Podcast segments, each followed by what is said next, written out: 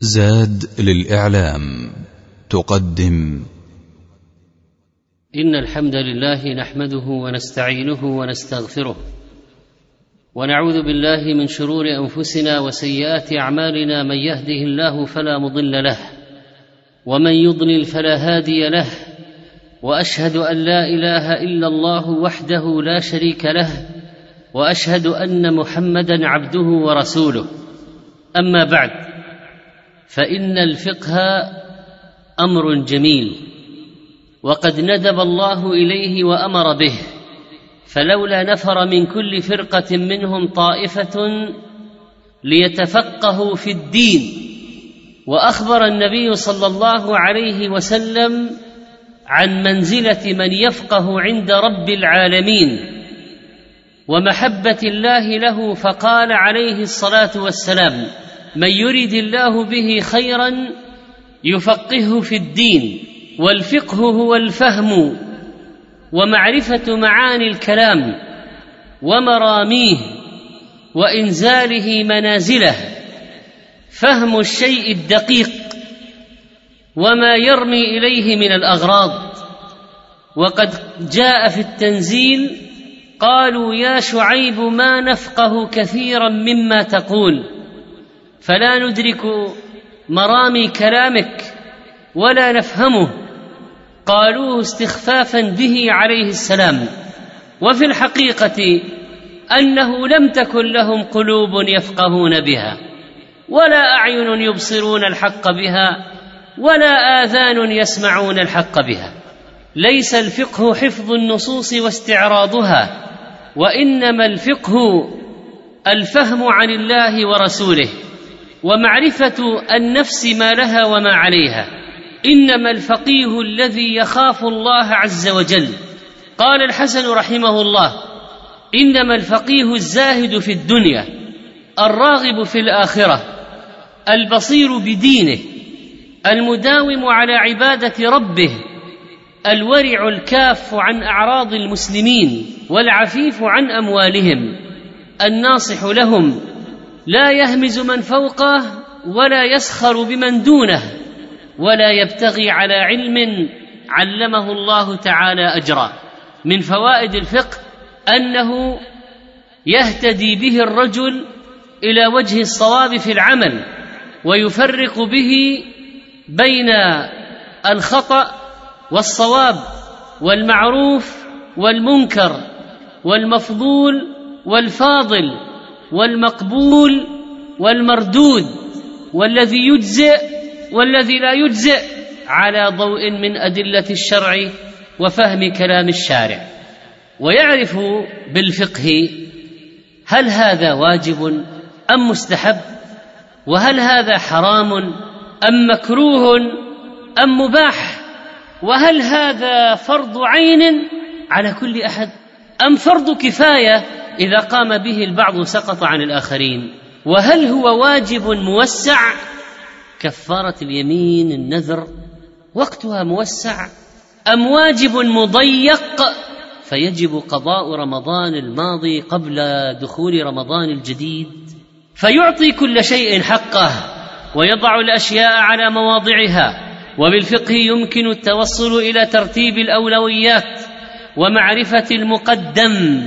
وما كان المؤمنون لينفروا كافه فلولا نفر من كل فرقه منهم طائفه ليتفقهوا في الدين وذم الله قوما بعد ان مدح هؤلاء فقال فما لهؤلاء القوم لا يكادون يفقهون حديثا هذا الفقه عمق الاستنباط ودقه الفهم والقدره على الغوص في نصوص الشرع وقد كان لذلك رواد منهم عبد الله بن عباس رضي الله عنه الذي دعا له النبي صلى الله عليه وسلم بقوله اللهم فقهه في الدين فقد كان يستخرج من النصوص كنوزها ويدرك معاني الكلام ومراميه وكانت أرضه من أطيب الأراضي وأخصبها قبلت الهدى والعلم فأنبتت من كل زوج كريم. قال شيخ الإسلام رحمه الله كانت همة ابن عباس مصروفة إلى التفقه والاستنباط وتفجير النصوص وشق الأنهار منها واستخراج كنوزها وهذا الفقه الذي يعمل في القضايا فتنقلب به المباحات إلى طاعات ويؤجر عليه الإنسان فيكون الفقيه حسن المتاجرة مع الله. مباحاته عبادات يثاب عليها. بالفقه قال معاذ رضي الله عنه إني لاحتسب نومتي كما أحتسب قومتي وهذا من جواهر الكلام. فإن صاحب هذا يقطع طريقا إلى الله عظيما لا يقطعه غيره في ذات العمر والمدة. ومن فقه الإنسان حرصه على الأعمال التي يكثر أجرها. فهو يعلم ما هو أحب الأعمال إلى الله فيقوم به. فهذا من فقهه. وهو يعلم ما هو الأفضل عند الله فيتبعه. إن تبدوا الصدقات فنعما هي وإن تخفوها وتؤتوها الفقراء فهو خير لكم. فاذا إسرار الصدقة أفضل من إظهارها. بناء المساجد عبادة وإقامة الأمور المادية فيها طاعة. ولكن هنالك عمران آخر للمساجد هو أعظم. أجعلتم سقاية الحاج وعمارة المسجد الحرام كمن آمن بالله واليوم الآخر وجاهد في سبيل الله لا يستوون عند الله والله لا يهدي القوم الظالمين. وهكذا لا يسوي الفقيه بين الواجب والمندوب لا في القول ولا في الفعل ولا في الاعتقاد. كما لا يسوي بين الحرام والمكروه ولا بين المباح والمكروه أو المستحب. وانشغال الإنسان بتتبع هذا يوجد لنفسه به أجرا عظيما عند الله وهذه مرحلة لا يقطعها إلا أهل البصائر والصدق من أولي العلم الذين أنزلوا الأعمال منازلها وأعطوها حقها. الفقه هو الذي يجعل المفطرين يذهبون بالأجر. فعن أنس رضي الله عنه قال كنا مع النبي صلى الله عليه وسلم في السفر فمنا الصائم ومنا المفطر. قال فنزلنا منزلا في يوم حار أكثرنا ظلا صاحب الكساء ومنا من يتقي الشمس بيده. قال فسقط الصوام وقام المفطرون فضربوا الأبنية يعني الخيام وسقوا الركاب يعني الدواب. فقال رسول الله صلى الله عليه وسلم ذهب المفطرون اليوم بالأجر متفق عليه. يعني لما قاموا بوظائف ذلك الوقت وما ينبغي عمله وخدمة إخوانهم فأجر الخدمة في الغزو أعظم من أجر الصيام فيه للتقوي على الجهاد وطلب العلم والقيام بما يحتاجه المسلمون وما تحتاجه دوابهم. ولما خرج النبي عليه الصلاة والسلام إلى مكة في رمضان صام حتى بلغ الكديد أفطر فأفطر الناس رواه البخاري ومسلم لأنه علم مشقتهم وحالهم وهكذا فعل شيخ الإسلام لما نزل العدو دمشق في رمضان يعني التتر أفتى بالفطر للتقوي على الجهاد وقال هو أولى من الفطر في السفر فاستعمال الرخصة في محلها هو من الفقه. والله عز وجل يحب أن تؤتى رخصه في مثل هذه المواضع. وقد يصل الجهل بمراتب الأعمال إلى حد تضييع أصل الأجر نفسه. وقد لبس إبليس على بعض المتعبدين فأطالوا قيام الليل وضيعوا صلاة الفجر. فهل يمكن أن تضيع فريضة من أجل مستحب عند فقيه؟ والفقه هو الذي يجلب لك المفاضلة ويبينها عند المزاحمة. فإذا تزاحمت الأعمال وتضايقت الأوقات فماذا تقدم؟ وتراعي كذلك حال القلب. فلو كان اعتكاف في مسجد هو أقل فضلا لكن يجتمع فيه قلبك أكثر فيكون اجتماع حال القلب أفضل.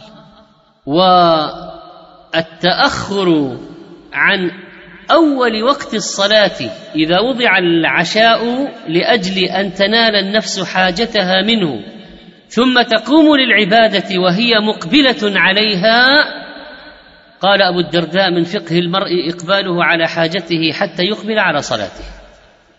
وقلبه فارغ يعني من الدنيا ومن الناس من لا دنيا ولا آخرة. إجابة المؤذن ذكر من الأذكار وقراءة القرآن أفضل الذكر. لكن إذا أذن المؤذن وهذا الإنسان يقرأ القرآن فإن من الفقه أن يجيب المؤذن مع أن تلاوة القرآن من جهة الأصل أفضل لأنه كلام الله وهو أفضل الذكر ولكن لما كان هذا واجب الوقت وهذه سنة يضيع وقتها لو لم تقل في هذا الموضع. بخلاف التلاوة فإنها يمكن أن تؤجل إلى حين انتهاء الأذان. وهكذا يصلي ركعتين خفيفتين إذا دخل المسجد لأجل استماع الخطبة ولا يطيل فيهما. ومن الفقه تخفيف النافلة لإدراك الجماعة من فقه الرجل أنه إذا شرع في النافلة. وأقيمت الجماعة خففها وإذا كان في الركعة الأولى قطعها وكل هذا من الفقه وهو دقائق عجيبة فإنه إذا جاء إلى المسجد في صلاة الجمعة لو جاء متأخرا فإنه إذا أدرك ركعة وسلم الإمام أضاف إليها أخرى من أدرك ركعة فقد أدرك الجمعة وأدرك الجماعة. فإن جاء بعد ركوع الركعة الثانية صلى أربعا لأنه لم يدرك الجمعة فيصليها ظهرا فإن كان مسافرا وأراد أن يصلي الجمعة صلى الجمعة معهم وهي صحيحة مجزئة عن الظهر منه. صلى على سطح المسجد أو في القبو أو بينه وبين الإمام حاجز. فانقطع المكبر صوت هذا الجهاز الذي يكبر الصوت. ثم رجع المكبر فهو أمام احتمالات إما أنه لا زال مع الإمام في نفس الموضع أو أن الإمام تقدم عليه. وإذا نوى الانفراد هو وأتم الصلاة فقد يكون سبق الإمام ثم عاد صوت المكبر. ففي هذه أحوال ماذا يفعل؟ إن سبقه الإمام أتى بما فات مع الإمام ثم لحق الإمام. وإن كان هو سبق الإمام انتظر الإمام حتى يصل إلى الموضع فأكمل معه. وإن كان في ذات الموضع فإنه يكمل مع الإمام. فإن لم يرجع صوت المكبر. فإن كان أدرك مع الإمام ركعة صلى إليها أخرى لأنه أدرك الجمعة. وإن انقطع صوت المكبر من أول صلاة الجمعة فهو سيصليها ظهرا إذا لم يرجع الصوت. فإن شرع في صلاة الظهر قلب النية ثم عاد الصوت بعدما قلب نيته إلى ظهر. فإنه لا يعود إلى الجمعة لأن النية لا تعود من الأدنى إلى الأعلى والجمعة أعلى من الظهر والظهر أدنى منها. فماذا سيفعل؟ هذه من الحالات النادرة التي يجوز فيها قطع الفريضة. فيقطع الظهر التي نواها ويلحق بالإمام يبدأ معه صلاة الجمعة مرة أخرى. أحوال كثيرة تمر على الإنسان في قضية مسافر يأتم بمقيم ومغرب يصلي خلف عشاء وهذه كلها تتطلب فقها. الفقه فيه تقديم الأولويات إذا ضاق الوقت.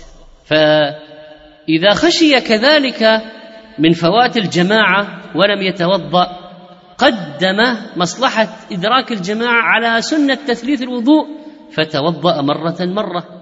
ومن فقه الرجل بالمناسبة كما قال الإمام أحمد قلة وضوئه بالماء يعني الماء المستعمل في الوضوء. الوضوء بالضم عملية غسل الأعضاء بنية الطهارة. وبفتح الواو هو الماء المستعمل. فقول أحمد رحمه الله من فقه الرجل قلة وضوئه بالماء وضوئه يعني الماء المستعمل. قال المروزي أردت أن أوضي أحمد وأنا في العسكر فسترته من الناس لئلا يراه العوام فيظنون أنه لا يحسن الوضوء لقلة استعماله للماء. ومن فقه الرجل النظر في عواقب الأمور ومآلاتها. وقد يصرف بعض ماله للورثة عند تقدم عمره إذا كان ماله قليلا. إنك أن تدع ورثتك أغنياء خير من أن تدعهم عالة يتكففون الناس في أيديهم. ومن الفقه الموازنة بين المصالح والمفاسد. فلا يكون فقيها حتى يعلم خير الخيرين وشر الشرين. وأن الشريعة جاءت بتحصيل المصالح وتكميلها وتعطيل المفاسد وتقليلها. وهكذا إذا ازدحمت المصالح ولا بد من تقديم أحدها قدم الأعلى فما هو الأعلى؟ وقد قدم جابر رضي الله عنه زواجه من الثيب على البكر لأجل مصلحة أخواته مع أن الزواج بالبكر شرعا أفضل. وقال للنبي عليه الصلاة والسلام إن لي أخوات فأحببت أن أتزوج امرأة تجمعهن وتمشطهن وتقوم عليهن. ترك النبي عليه الصلاة والسلام الأمنية بإعادة بناء الكعبة على قواعد إبراهيم الخليل وإدخال ما تركته قريش وجعلته حجرا بلا بناء وكان يتمنى أن يكون للكعبة بابين. باب يدخل منه الناس وآخر منه يخرجون وأن ينزل مستوى باب الكعبة إلى الأرض. ولكنه ترك ذلك. تاليفا لقلب قوم حديثو عهد بجاهلية. قد خرجوا منها لتوهم. وهكذا لا يكون الإنسان فقيها إلا إذا علم أدنى المفسدتين ليرتكبها عند الاضطرار إلى إحداهما. أما السفينة فكانت لمساكين يعملون في البحر فأردت أن أعيبها وكان وراءهم ملك يأخذ كل سفينة غصبا. ففعل أخف المفسدتين الخضر عليه السلام. وخرق السفينة وجعل مكانها خشبة مكان الخرق ليعيبها لأن هنالك غاصب ظالم جبار تمر عليه السفن فإذا عجبته السفينة أخذها. فأراد أن يعيبها لئلا يأخذها الغاصب.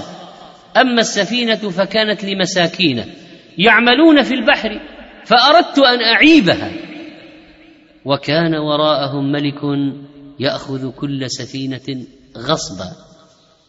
فصار الفعل منه من باب دفع أشد الضررين بارتكاب أخفهما. فهذا من الفقه العظيم. ويجوز كشف العورة لطبيب إذا كان ترك المرض دون علاج يخشى منه العطب. ومن فقه الرجل أن يقدم درء المفسدة على جلب المصلحة.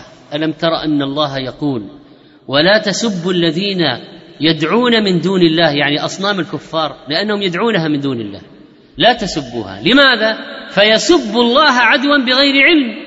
فسب آلهة المشركين قربة أصلا. ولكن لما صار الكفار يسبون الله إذا سب المسلمون آلهتهم جاءت الآية بالنهي عن ذلك. ألم تر أن أرباح تجارة الخمر تفوت لما في الخمر من المفاسد؟ مع أن تحصيل الأرباح مصلحة. وهكذا يكون الإنسان في الأمر بالمعروف والنهي عن المنكر فقيها فيقدم المعروف الأكبر في الأمر على المعروف الأدنى ويقدم المنكر الأشد في النهي على المنكر الأدنى ولا يأمر بمعروف يفوت معروفا أكبر منه ولا ينهى عن منكر إذا كان يحصل بالإنكار منكر أكبر منه. قال ابن القيم سمعت شيخ الإسلام تيمية رحمه الله يقول مررت أنا وبعض أصحابي في زمن التتار بقوم منهم يعني من التتر يشربون الخمر فأنكر عليهم من كان معي فأنكرت عليه يعني أنكرت عليه إنكاره وقلت له إنما حرم الله الخمر لأنها تصد عن ذكر الله وعن الصلاة وهؤلاء يعني التتر الكفار فجار يصدهم الخمر عن قتل النفوس المسلمة وسبي الذرية وأخذ الأموال فدعهم يعني فيما هم فيه من السكر. وهذا من الفقه العظيم. وأحيانا يتفكر الفقيه لتفهيم السائل ويظن السائل أن المسألة صعبة. وما القضية إلا أن الفقيه يتفكر كيف يوصل الجواب إلى السائل. وأحيانا يحتاج الأمر إلى أن يهزه هزة يستيقظ منها وخصوصا أصحاب الأمراض المستعصية كالوسواس القهري والذين يعانون من هذه الآفة. جاء رجل إلى ابن عقيل الفقيه رحمه الله فقال إني أغتمس في النهر غمستين وثلاثا أدخل دخولا كاملا ولا أتيقن أنه قد عمني الماء ولا أني قد طهرت. فقال له لا صلاة عليك. قال ماذا؟ قال لا صلاة عليك. قال ولم قال لأن رسول الله صلى الله عليه وسلم قال رفع القلم عن المجنون حتى يفيق ومن ينغمس في النهر مرتين أو ثلاثا ثم يظن أن الماء لم يغمره فهو مجنون. ومن صار مجنونا سقطت عنه الصلاه فعاد ذلك الرجل إلى نفسه. اللهم إنا نسألك الفقه في الدين واتباع سنة سيد المرسلين وأن تجعلنا من عبادك الصالحين. أقول قولي هذا وأستغفر الله لي ولكم فاستغفروه إنه هو الغفور الرحيم. الحمد لله وسبحان الله ولا حول ولا قوة إلا بالله والله أكبر. سبحان الله وبحمده سبحان الله العظيم. أشهد أن لا إله إلا هو الحي القيوم. خلق فسوى وقدر فهدى. أشكره ولا أكفره وأخلع كل من يكفره وأشهد أن محمدا عبد الله ورسوله. البشير والنذير والسراج المنير صلى الله عليه وعلى آله. وصحبه وأتباعه وذريته وأزواجه وخلفائه. اللهم صل وسلم وبارك عليه. وعلى آله كما صليت على آل إبراهيم وبارك عليه وعلى آله كما باركت على آل إبراهيم. عباد الله إن من الفقه العظيم أن لا يؤيس الإنسان الناس من رحمة الله. لكن في ذات الوقت لا يؤمنهم من مكر الله. فبعض الوعاظ والخطباء والدعاة ربما قالوا كلاما فتح على الناس أبواب المعصية ويستعملون نصوص الرجاء دون ذكر نصوص الخوف.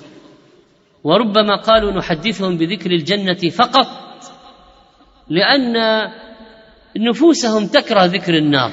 مع أن طريقة القرآن ذكر الجنة والنار والترغيب والترهيب والجزاء ثوابا وعقابا. وعرض الأمور المتقابلة لتكتمل الصورة في النفس. ولكل مقام مقال. قال علي رضي الله عنه حدثوا الناس بما يعرفون ودعوا ما ينكرون. يعني ما يشتبه عليهم فهمه أتحبون أن يكذب الله ورسوله؟ رواه البخاري. ولذلك فالمتشابه لا يحدث به عند العامة. المتشابه الذي لا تبلغه العقول أو يفهم على غير وجه الشرعي وكذلك فإنه لا بأس للانسان أن يكتم أشياء أحيانا في مجلس لأنها تفهم على غير وجهها أو تستغل استغلالا باطلا. ولذلك قد يحجم بعض عقلاء الفقهاء وأذكيائهم عن ذكر راجح في مسألة لئلا يستغله المنافقون اليوم. فإنهم قد يتسقطون بعض الفتاوى مع أن لها وجها صحيحا لكي يطوعوها بجهلهم وأهوائهم لتوافق الباطل والحرام الذي يدعون إليه. ولذلك لا يجوز إمدادهم بأي نصوص أو كلام لأهل العلم يمكن أن يستغلوه هذا الاستغلال الباطل. وقد أنكر الحسن رحمه الله تحديث الحجاج بقصة العرنيين وقطع أيديهم وأرجلهم من خلاف وسمل أعينهم بالمسامير المحماه بالنار لأنه يخشى أن يستعملها الحجاج في شرعنة ظلمه مع أن العرنيين قصة العرنيين في قوم مجرمين جاءوا إلى النبي عليه الصلاة والسلام أظهروا الإسلام ومرضوا فلما أعطاهم الذود والإبل والراعي واللقاح والدواء والطعام والشفاء والشرب إذا بهم يقتلون الراعي ويستاقون الإبل إبل بيت المال ويهربون بعدما ارتدوا عن الإسلام. قتلوا وارتدوا وسرقوا نهبوا وشيء لعموم المسلمين. فعند ذلك أتبعهم النبي عليه الصلاة والسلام بأصحابه فأخذوا وقطعت أيديهم وأرجلهم من خلاف ورموا على الحرة الصخور الحارة في المدينة يستسقون فلا يسقون وسمرت أعينهم لأنهم فقعوا عين الراعي ففعل بهم ذلك قصاصا حتى ماتوا. سئل ابن عباس رضي الله عنه هل للقاتل توبة؟ فقال نعم. ثم سأله سؤالا آخر هل للقاتل توبة؟ فقال للسائل ماذا تقول؟ فقال هل للقاتل توبة مرتين أو ثلاثا؟ فقال ابن عباس ويحك أنى له التوبة. فقيل إنه أجاب الأول لأنه كان جاءه نادما. والثاني تفرس فيه عدم التوبة. فأراد التخويف والتحذير. وخصوصا أن الخوارج في وقت ابن عباس قد أوغلوا في دماء الأمة. فشدد ابن عباس رضي الله عنه في قضية القاتل. هل تقبل توبته أم لا؟ لأجل إغلاق الباب.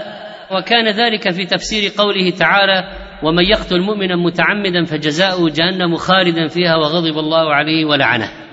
ومراعاة أحوال المستفتين من أعظم الفقه. وما يطيق شخص في المستحبات يكون باب خير له أكثر من الآخر. فهذا قد يفتح له في صيام النافلة وهذا في صدقة النافلة وهذا في الإنكار وتعليم الناس في الأمر بالمعروف والنهي عن المنكر وهذا في تعليم الناس وهكذا. وقد يكون جواب بعض المسائل السكوت أو التأخير. ولا شك أن من الفقه العناية بجوامع الكلم وخصوصا في الخطب والدعاء. من فقه الرجل قصر الخطبة وطول الصلاة مئنة من فقهه يعني مظنة. فإذا كان عنده القدرة على الإتيان بجوامع الكلم وعند الحاضرين من يفهم هذا وفيهم وهم يفهمون هذا فإنه يتأكد عليه أن يفعل ذلك. وجوامع الكلم في الدعاء فيها أشياء كثيرة كقوله تعالى ربنا آتنا في الدنيا حسنة وفي الآخرة حسنة وقنا عذاب النار. ولذلك كان إنكار بعض الصحابة على ولده أو من سمعه يقول اللهم إني أسألك الجنة وقصورها وحورها وأشجارها وثمارها وأنهارها. وقال في جهنم اللهم إني أعوذ بك من جهنم وسلاسلها وأغلالها وحميمها ويحمومها وعقاربها. فقال له يا بني اسأل الله الجنة واستعذ به من النار فإنه إذا أعطاك الجنة أعطاك الجنة وما فيها. وإذا اعاذك من النار اعاذك من النار بما فيها. وهذا الفقه هو الذي يجعل الإنسان يعتني بنفسه ويراعي الأولويات في الأقارب. ابدأ بنفسك ثم الأقرب فالأقرب. هذا الفقه هو الذي يجعل الإنسان يحسن التصرف في المواقف الصعبة والعويصة. قال ابن عباس خرج عمر رضي الله عنه إلى الشام فلقيه أمراء الأجناد أبو عبيدة وأصحابه فأخبروه أن الوباء وقع في الشام طاعون فاستشار عمر المهاجرين والأولين هل يدخل الشام أم لا؟ فاختلفوا. ثم استشار الأنصار فاختلفوا. ثم دعا مشيخة قريش من مهاجرة الفتح فلم يختلف منهم عليه رجلان. فنادى عمر في الناس إني مصبح على ظهر فأصبحوا عليه. يعني قرر الرجوع إلى المدينة. قال أبو عبيدة بن الجراح أفرارا من قدر الله؟ فقال عمر نعم نحن نفر من قدر الله نعم نفر من قدر الله إلى قدر الله. فجاء عبد الرحمن بن عوف وكان متغيبا في بعض حاجته فقال سمعت رسول الله صلى الله عليه وسلم يقول إذا سمعتم به يعني الطاعون بأرض فلا تقدموا عليه. فحمد عمر الله وانصرف. ومن فقهه رضي الله عنه أنه لم يقطع يد السارق في عام الرمادة لوجود شبهة المجاعة ولم يكن يلغي حد الله ولا يعطل حدود الله وإنما كان شيئا مؤقتا لظرف واقع. وكذلك لم يقطع الخلفاء الأيدي في الغزو. لماذا؟ أتي بسر بن أرطأة رضي الله عنه بسارق سرق بختيه أنثى الجمال. فقال سمعت النبي صلى الله عليه وسلم يقول لا تقطع الأيدي في الغزو ولولا ذلك لقطعت رواه الترمذي. لماذا؟ لأن هذا المقطوع قد يلحق بالكفار حمية وغضبا. وأيضا فإن الفقه يجعل الإنسان يورد العبارات الشرعية في مواضعها. عطس رجل إلى جنب ابن عمر فقال الحمد لله والسلام على رسول الله. فقال ابن عمر وأنا أقول الحمد لله والسلام على رسول الله. وليس هكذا علمنا رسول الله صلى الله عليه وسلم. علمنا أن نقول الحمد لله على كل حال. رواه الترمذي وهو حديث صحيح. وهذا أحد ما يقال في العطاس. وجاء رجل إلى سعيد بن المسيب. يصلي في وقت نهي فنهاه سعيد فقال أيعذبني الله على ركعتين؟ قال بل يعذبك على خلاف السنة. لماذا تخالف وتصلي في وقت النهي؟ نسأل الله سبحانه وتعالى أن يفقهنا في دينه ونسأله عز وجل أن يعلمنا من تأويل كتابه ونسأله سبحانه وتعالى أن يجعلنا هداة مهتدين غير ضالين ولا مضلين وأن يغفر لنا ذنوبنا أجمعين. اللهم اختم بالصالحات أعمالنا ونور قلوبنا وسدد ألسنتنا اللهم اسلل سخائم صدورنا اللهم إنا نسألك أن تعطينا ولا تحرمنا وأن تزيدنا ولا تنقصنا وأن تعافينا وأن تعفو عنا يا أرحم الراحمين اللهم إنا نسألك الأمن في البلاد والنجاة يوم المعاد اللهم إنا نسألك في ساعتنا هذه أن تغفر لآبائنا وأمهاتنا وإخواننا وأخواتنا. اللهم اغفر لنا وللمسلمين يوم يقوم الحساب. سبحان ربك رب العزة عما يصفون وسلام على المرسلين والحمد لله رب العالمين.